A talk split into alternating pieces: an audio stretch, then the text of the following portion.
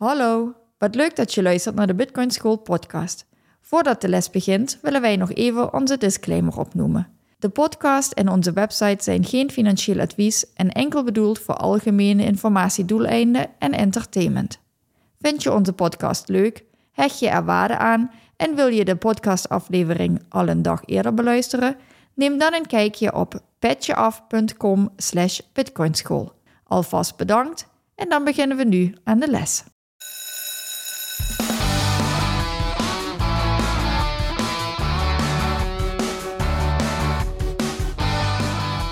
Welkom bij de Bitcoin School podcast. In deze podcast willen we jullie de wereld van Bitcoin dichterbij brengen. Dit doen we door Bitcoin op een eenvoudige manier vanuit de basis uit te leggen.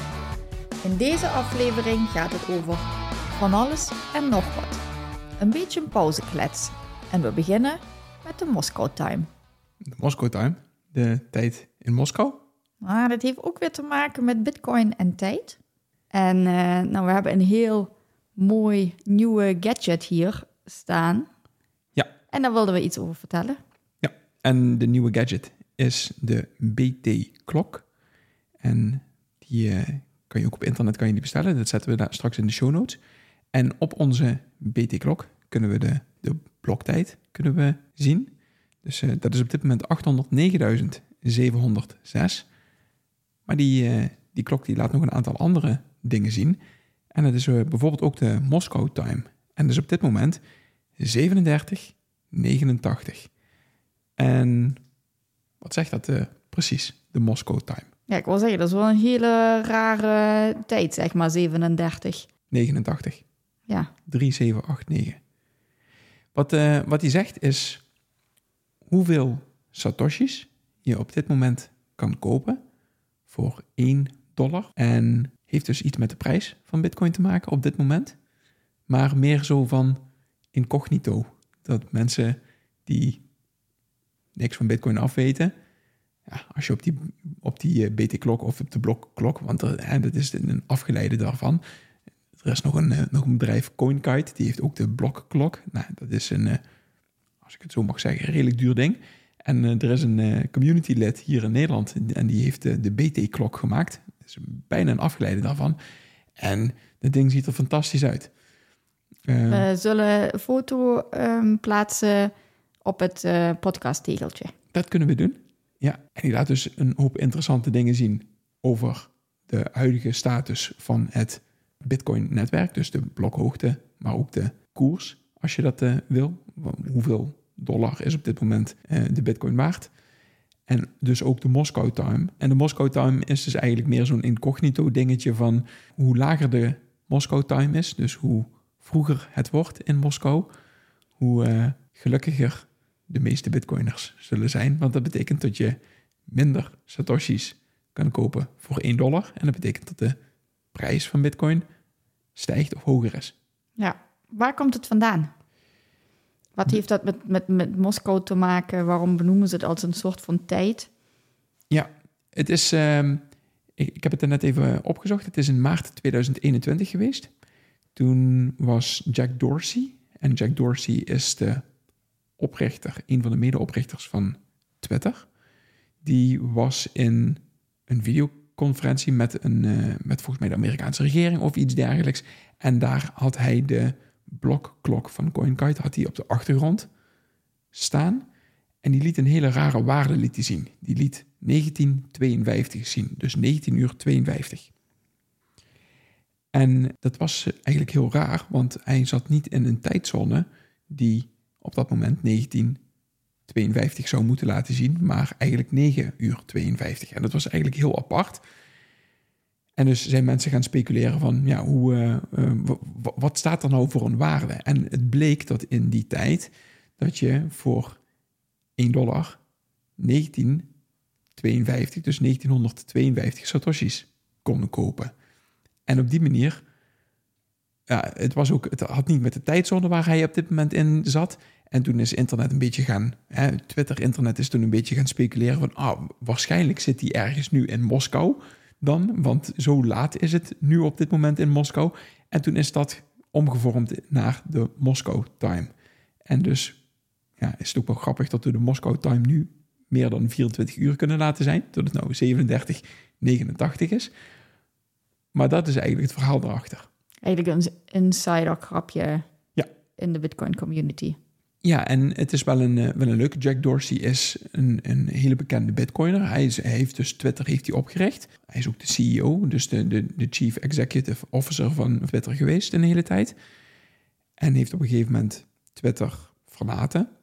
En gezegd, oké, ik leg mijn functie neer. Hij is nu eh, bezig met iets op te zetten, genaamd Blok. Hij is een bitcoinbedrijf op dit moment aan het, eh, aan het oprichten. En is een van de nou ja, voorvechters van Bitcoin en zegt buiten hetgeen wat, eh, wat ik allemaal voor Twitter gedaan heb, want Twitter heeft er ook voor gezorgd dat je via internet makkelijk met elkaar kan communiceren, ehm, is eigenlijk Bitcoin het belangrijkste waar ik in mijn leven aan kan werken. Mooi. Ja, en daarom is Jack Dorsey wel een hele invloedrijke, ja ook miljardair, dus heeft gigantisch vermogen, maar kan natuurlijk ook zijn vermogen daar plaatsen waar hij vindt dat er op dat moment werk nodig is. Bijvoorbeeld uh, aan het Bitcoin-netwerk of aan soevereiniteit uh, op het internet in zijn algemeen. Hij realiseert zich dat hij een aantal foutjes gemaakt heeft met Twitter. Fouten maken mag. Fouten maken, fouten maken moet. Fouten maken moet. ja. ja, hij is um, interessant misschien tot we nog heel eventjes door kunnen gaan op, uh, op Jack Dorsey zelf, wat hij, uh, wat hij op dit moment gedaan heeft.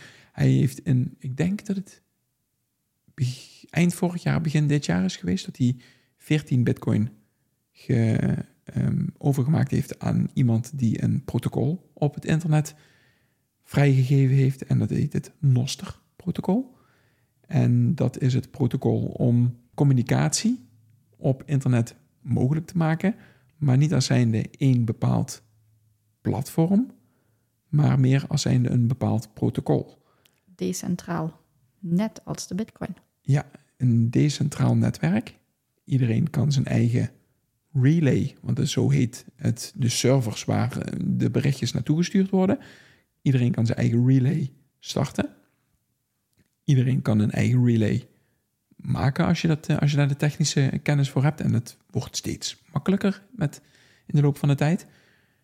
En dat zorgt ervoor dat communicatie via internet een stuk decentraler wordt. Dat je niet meer een platform hebt waar je geanonimiseerd kan worden of gecanceld kan worden. En heel veel vergelijkingen met Bitcoin. Noster en Bitcoin hebben heel veel vergelijkingen met elkaar inderdaad. En je ziet ook heel veel mensen die gecharmeerd zijn van Bitcoin, dat die op het Noster-netwerk communiceren. En dat ze Twitter steeds verder achter zich laten. Ik wil zeggen, je krijgt de indruk op Noster dat het eigenlijk één groot uh, Bitcoiner-netwerk is. Ja. Omdat het dezelfde normen en waarden, denk ik, zijn die daar uh, nagestreefd worden. Ja, autonomie, soevereiniteit, zelfbeschikking. Dat zijn dingen die daar inderdaad ja, heel erg belangrijk voor zijn. En het grappige is dat het dus niet één partij is meer. Weet je, het is, jij kan ervoor kiezen om een eigen relay, zoals het dan heet, te starten. En daar berichten op te ontvangen of te versturen. Of jouw um, informatie die je hebt, om die kenbaar te maken.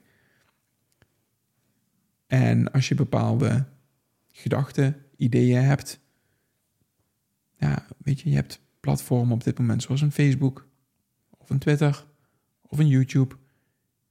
En dan zijn er toch beheerders die dat reguleren of hetgeen wat jij op internet zet, of dat wel mag, of dat in lijn is met hun reguleringen, met hun gedachten en ideeën.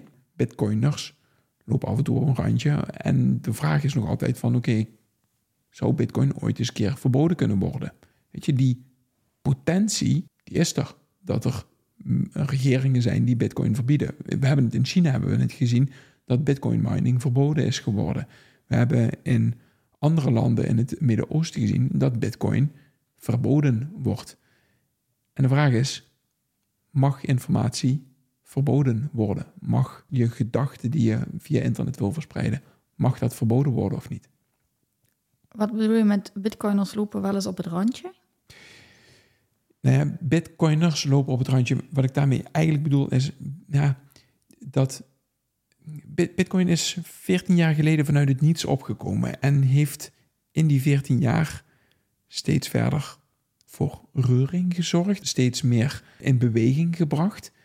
En uiteindelijk zijn ze erop gekomen dat, oké, weet je, er is dus blijkbaar hier een markt en moeten we Bitcoin gaan reguleren, ja of nee? En daarbij moet de eerste vraag die gesteld moet worden, moet Bitcoin verboden worden, ja of nee? Is het wel iets wat we willen, ja of nee? Het heeft met geld te maken. Eigenlijk is de staat de enige die geld, of de Europese Centrale Bank de enige die geld mag uitgeven. Maar Bitcoin is iets wat niet gestopt kan worden, technisch gezien. Maar reguleringsgezien, en dus je kan het in principe wel via reguleringen, via wetgeving en dergelijke, zou je het wel kunnen stoppen. En ja, de vraag is of we dat misschien hier ooit gaan meemaken, dat Bitcoin verboden gaat worden. Weet je, ik sluit het uh, nog altijd niet uit. Oké, ja, ik vond de stelling uh, Bitcoiners lopen wel eens op het randje een beetje vreemd. Ja, maar mm, nee, Bitcoiners zelf niet, maar, maar weet je, omdat Bitcoin voor een paradigm shift, voor een paradigmaverschuiving in de toekomst kan gaan zorgen. Want het hebben we in een van de eerste afleveringen hebben we dat volgens mij benoemd. Bitcoin is de scheiding tussen geld en staat. En 200 jaar geleden konden mensen zich totaal niet voorstellen dat er een scheiding was tussen kerk en staat. De kerk was de staat. En er is een complete shift geweest. En nu zien we het, ja, kerk en staat moet van elkaar gescheiden zijn. Of we vinden het hartstikke normaal dat kerk en, staat van elkaar gescheiden is. Maar we vinden het op dit moment nog steeds heel erg normaal dat geld en staat, dat die één op één met elkaar gekoppeld zijn. Dat die, hè, wij beslissen als Nederland, tussen haakjes zijnde, dat wij de euro als, een, als het wettige betaalmiddel um, definiëren. Nou ja, dat beslissen wij niet. Dat wordt opgelegd. Ja, en in, de dus en in de democratie beslissen we dat met z'n allen. Hè? Als we er even van uitgaan dat we in, een, in een goede democratie zitten, dan beslissen we dat met z'n allen. Daar ben ik het niet mee eens. Oké. Want er zijn niet verschillende partijen dat ik zeg, ik heb daar een alternatief in. Er zijn, niet, er zijn verschillende partijen, maar uh, die hebben niet, ik kan niet zeggen van, oh, de ene partij gebruikt de euro en de andere partij gebruikt een ander geld, dus mijn stem heeft invloed op het geld wat ik gebruik. Nou ja, we hebben het bij, um, bij de Brexit hebben we het gezien. Die hebben ervoor gekozen om uit de Europese Unie te gaan en die gebruikten de euro al niet. Maar die, weet je, als jij wil en je hebt een politieke partij die zegt van oké, ik wil Bitcoin naar voren gaat en als het betaalmiddel in Nederland gaat gelden en jij krijgt meer dan 50% van, van alle stemmen en je mag alleen regeren in Nederland, dan is dat een wet wat doorgevoerd gaat worden. Dus op zich is dat, ja. Ja, maar dan vind ik het nog weer grappig dat um, voor mij is er dan wel nog verschil of het een partij is die pro-Bitcoin is, mm of die gewoon een andere fiat gebruikt. Want of dat ding nou euro heet, of yen, of dollar, of wat dan ook, een fiat is in mijn ogen een fiat. Dus het hele systeem daaromheen. Op schulden gebaseerd? Op schulden gebaseerd, door de regering opgelegd. De regering bepaalt dat dat het wettige betaalmiddel mhm. is en dat ik daarin mijn belasting moet betalen. En um, inderdaad, waar we het vorige keer ook over hadden, over de inflatie, dat er een streefinflatie is, dat soort dingen. Mm Ja, daar heb je weinig invloed op. Of in, geen invloed op. Nee, er zijn al landen die op dit moment Bitcoin als wettig betaalmiddel hebben. En je hebt El Salvador, een heel klein landje in Midden-Amerika ergens. Die hebben al gezegd van oké, Bitcoin is hier een wettig betaalmiddel. Dus die hebben daar, daar heeft blijkbaar de meerderheid van de mensen voor een, regering gekozen die een bepaalde koers is gaan varen. Die gezegd heeft van oké, we willen minder afhankelijk van onze eigen, of we hebben geen eigen betaalmiddel maar wij gebruiken op dit moment de dollar. We willen minder afhankelijk zijn van de dollar. En nou ja, dit is iets wat we in, in Nederland in principe ook zouden kunnen. En dat is hetgeen wat ik eigenlijk bedoel te zeggen. omdat op dit moment de meerderheid van de Nederlanders ermee eens is dat we in de euro zitten, zitten we in de euro. Maar als de meerderheid van de Nederlanders zou zeggen van oké, we willen bijvoorbeeld de gulden weer terug, omdat we de euro niet meer als een, hè, is gebaseerd op, uh, op schulden, is gebaseerd op eigenlijk lucht, op geen productiviteit. Maar we willen naar een wettig betaalmiddel wat wel op productie, op productiviteit uh, is gebaseerd. En, en je krijgt 50% van de mensen mee, ja, dan, dan gaat dat gebeuren, toch?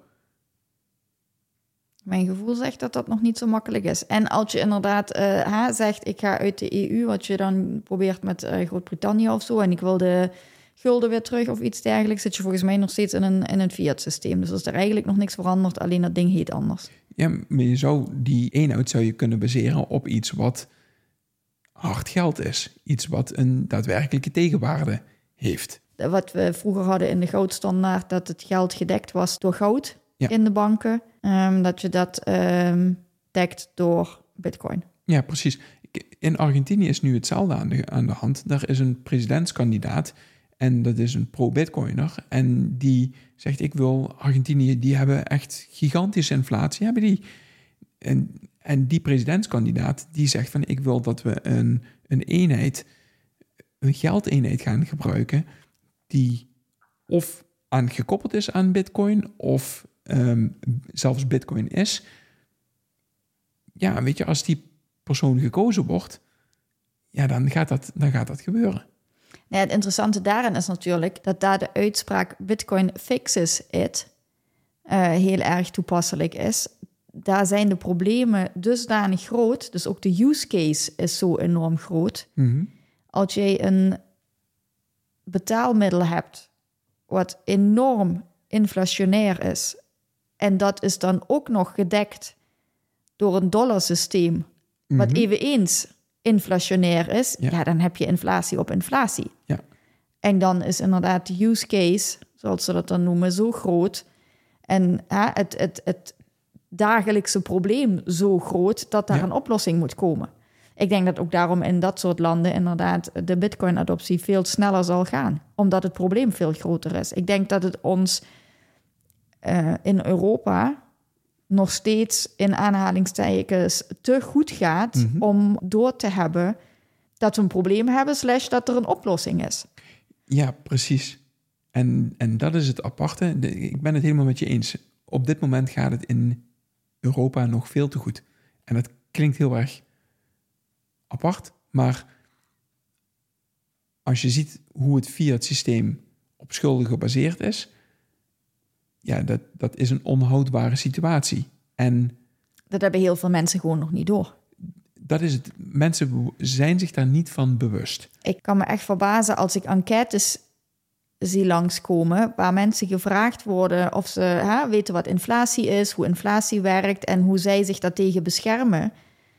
Ja, dan ga ik minder boodschappen doen. Ja, dan ga ik nog een baantje erbij pakken dat soort dingen. Dat ik mhm. denk, wow. Of dat ze, dat ze zeggen van, ja, maar dan kun je gewoon niks doen. Dat is normaal. Ja. Dat hoort er gewoon bij. Ja, en, en... Kijk, zolang je nog die illusie hebt dat je dat met nog een extra baan en nog een extra baan en nog wat extra uren werken nog kan oplossen. Mhm.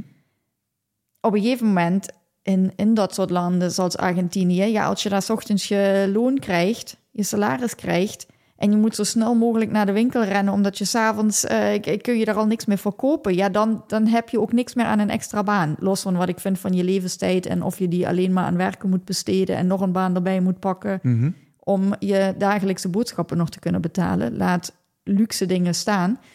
Um, nou ja, als het probleem groot genoeg is, zal ook sneller uh, de oplossing duidelijk worden. En dan heb je dus inderdaad het gezegde Bitcoin fixes it. Ja, en dat zie je dus.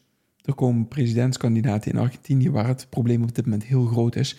En die presidentskandidaat die is een pro-Bitcoiner. En die staat nu bovenaan in de peilingen en die, die kan waarschijnlijk de president gaan worden in Argentinië. Ja, en het probleem in El Salvador was ook heel groot. Daar hadden ze andere problemen. Daar hadden ze problemen met, met betrekking tot criminaliteit en dergelijke. En daar heeft de regering ook gewoon een langere termijnvisie dan vier jaar. Want dat is misschien een van de, denk ik, ik denk dat het een van de grootste problemen is die we in de politiek op dit moment hebben. Dat politici eigenlijk niet verder dan vier jaar kijken. Maar in El Salvador hebben ze gezegd: oké, wij gaan verder dan vier jaar vooruit kijken.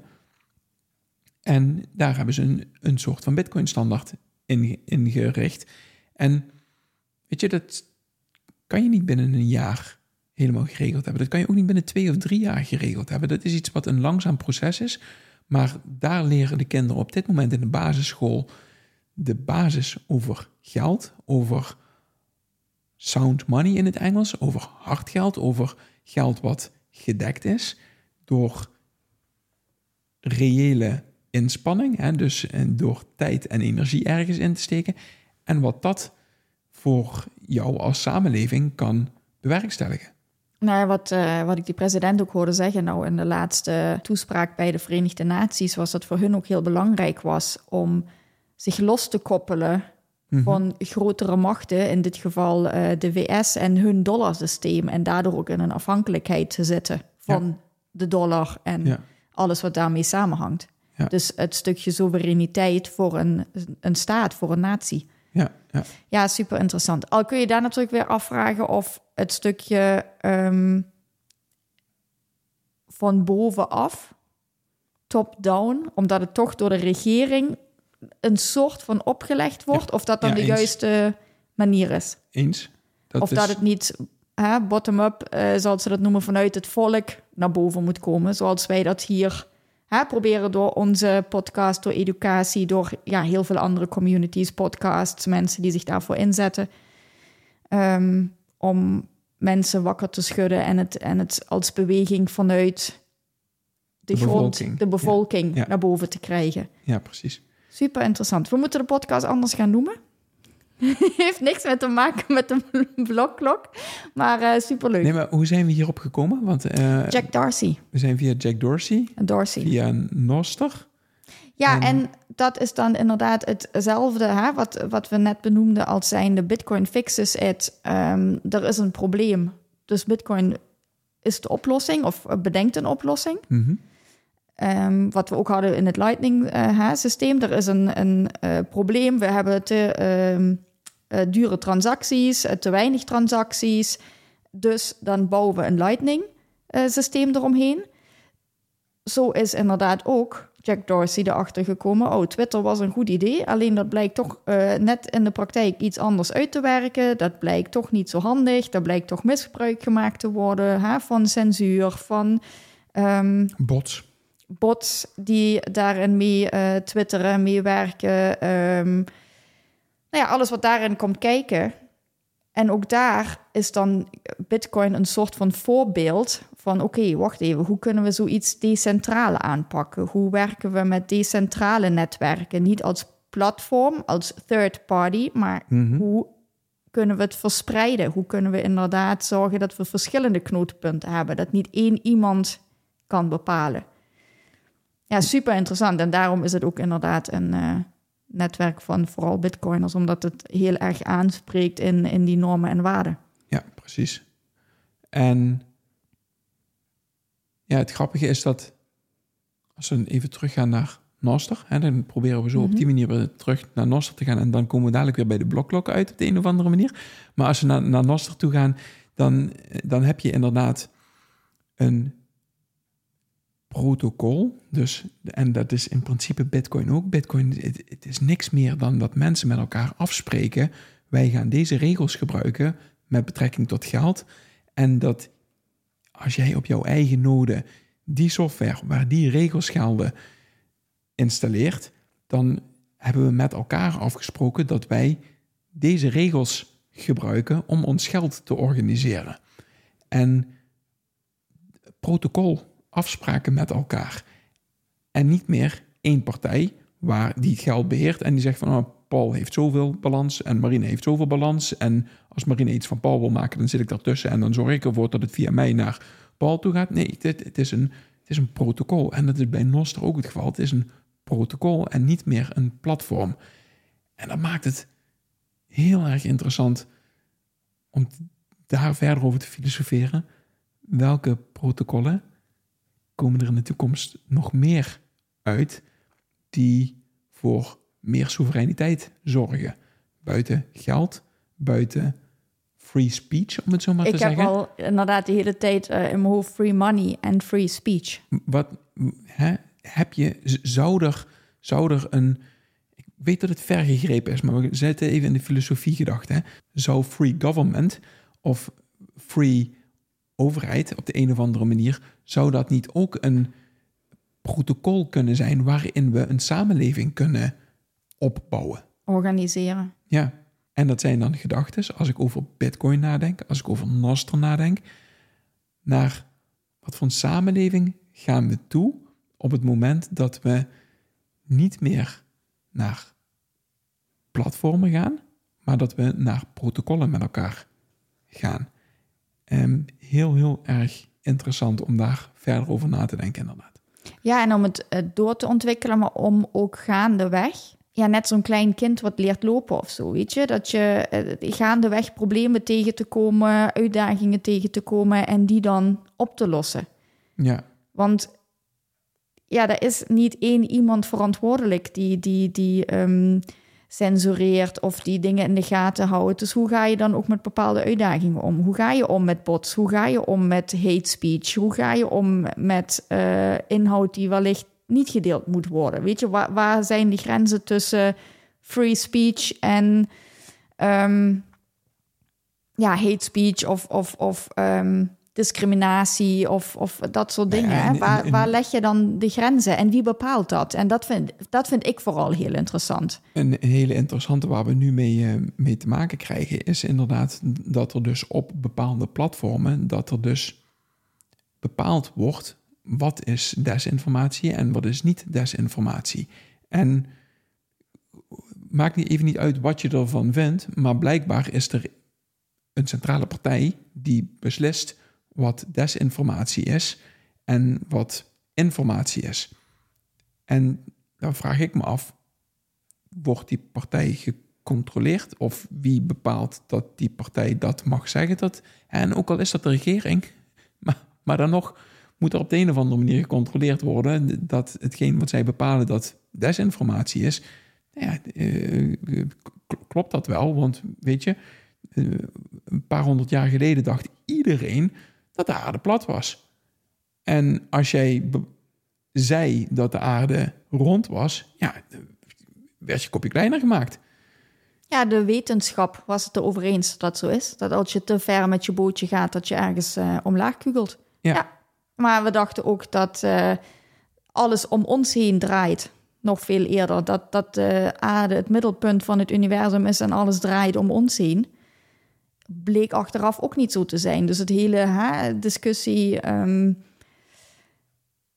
wat is waarheid? Ja, En wat is wetenschap? En leeft wetenschap niet ook ervan dat je elkaar challenged, dat meningen gechallenged en uitgedaagd worden tot het volgende bewezen is? Want anders zouden we nog steeds geloven dat de aarde plat is. Dat was ook de overtuiging dat mensen nooit zouden kunnen vliegen. En inmiddels is het geen probleem om met honderden mensen in een vliegtuig te stappen en op, vakantie te gaan. En ik vind het nog steeds elke keer fascinerend dat dat ding van de grond komt. Maar de overtuiging was, dat gaat nooit lukken. en er was ook een overtuiging dat een staat zonder kerk, dat dat niet mogelijk is. Daar leven we nu ook in. En een hele, een hele hoop mensen, en een hele hoop mensen zullen ook de overtuiging hebben dat een staat zonder geld of zonder hè, de, koppeling tussen staat en geld, dat die nodig is. Ja, weet je, ik denk dat, eh, dat Bitcoin een hele mooie, zo, ik zie dan die meme voor me, challenge accepted. Eh, laat maar komen. Ja, en ik denk om hem nou even daar ook op terug te pakken, eh, wat jij bedoelde met bitcoiners lopen op het randje. Nee, niet in de zin van, want dan zou je het vooroordeel alleen maar criminelen heel erg toespreken, zo zeg maar. het- zo nee, zo bedoel je hem niet. En het is, bitcoiners lopen op het randje omdat we ongemakkelijk zijn. Omdat- omdat wij bepaalde dingen in twijfel trekken. Omdat, Omdat we wij niet vragen meegaan in het huidige paradigma, maar omdat we geloven in een paradigmaverschuiving die er in de komende... En een, hè, dat is ook nog iets. Op wat voor tijdsbestek gaat dit, gaat dit floreren? Want ja, ik twijfel er niet over dat Bitcoin in de toekomst gaat floreren, tenzij er nog e- ergens een, een fout gevonden wordt of iets dergelijks. Maar Ja, en dan heb je het niet eens over de prijs, hè? want dit is geen financieel advies in de zin van eh, hè, dit, Nee, nee. dit gaat floreren, maar gewoon de paradigma shift waar je het over hebt. precies, Waar zouden we als maatschappij in terecht kunnen komen op het moment dat we Ja. eigen verantwoordelijkheid pakken, dat we een deflationair geld hebben, nou ja, dat soort dingen, dat geld en staat inderdaad van elkaar losgekoppeld zijn. En worden niet, ja, daar, komt die, de vraag die ik wilde stellen, worden er niet een hele hoop problemen al opgelost op het moment dat we in zo'n situatie terechtkomen? Want we maken minder gebruik van de resources van de aarde, want je denkt wel twee keer na of dat je iets koopt,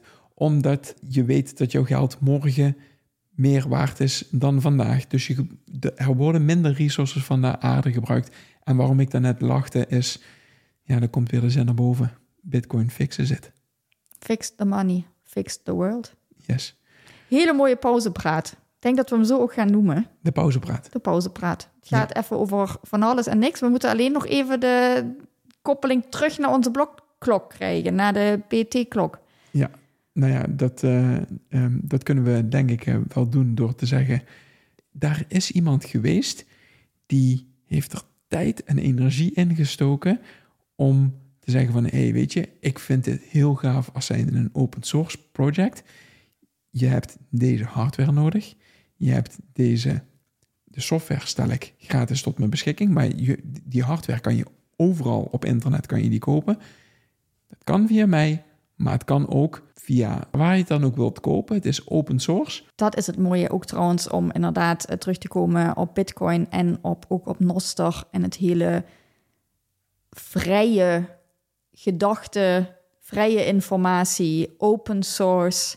Het is voor iedereen toegankelijk. Is voor iedereen, iedereen kan het nakijken, iedereen eh, kan het eh, bekijken, kan het toepassen. Ja, dus inderdaad, de- je kan, ehm, we zullen het verlinken. Je kan ehm, de BT-klok kun je kopen. Of je kan hem zelf in elkaar solderen als je dat, eh, dat wil. Je bestelt gewoon de onderdelen op internet en zelf in elkaar solderen. Je kan hem wel of niet koppelen aan een node. Je kan hem koppelen aan een eigen node. Dan weet je ook zeker dat eh, Je de... niemand anders hoeft te vertrouwen dat de blokhoogte, de bloktijd, dat die, nou, dat is jouw node die dat zegt. Dus jouw regels. Dus dat klopt. Ja. Ja. Nou ja, om hem filosofisch af te sluiten en dan houden we het bij deze eh, pauzepraat. Ehm, niks in het leven is zo zeker als de dood en TikTok, next, Next blok. Zo, goed. Nou, tot, eh, tot de volgende keer Tot de volgende keer. Doei doei.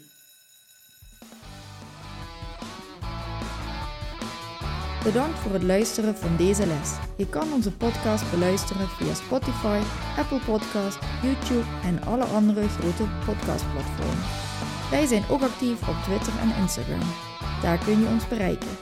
Heb je dus vragen of opmerkingen? Stuur ons dan een berichtje naar bitcoinschoolnl op Twitter of Instagram. Groetjes en graag tot de volgende les.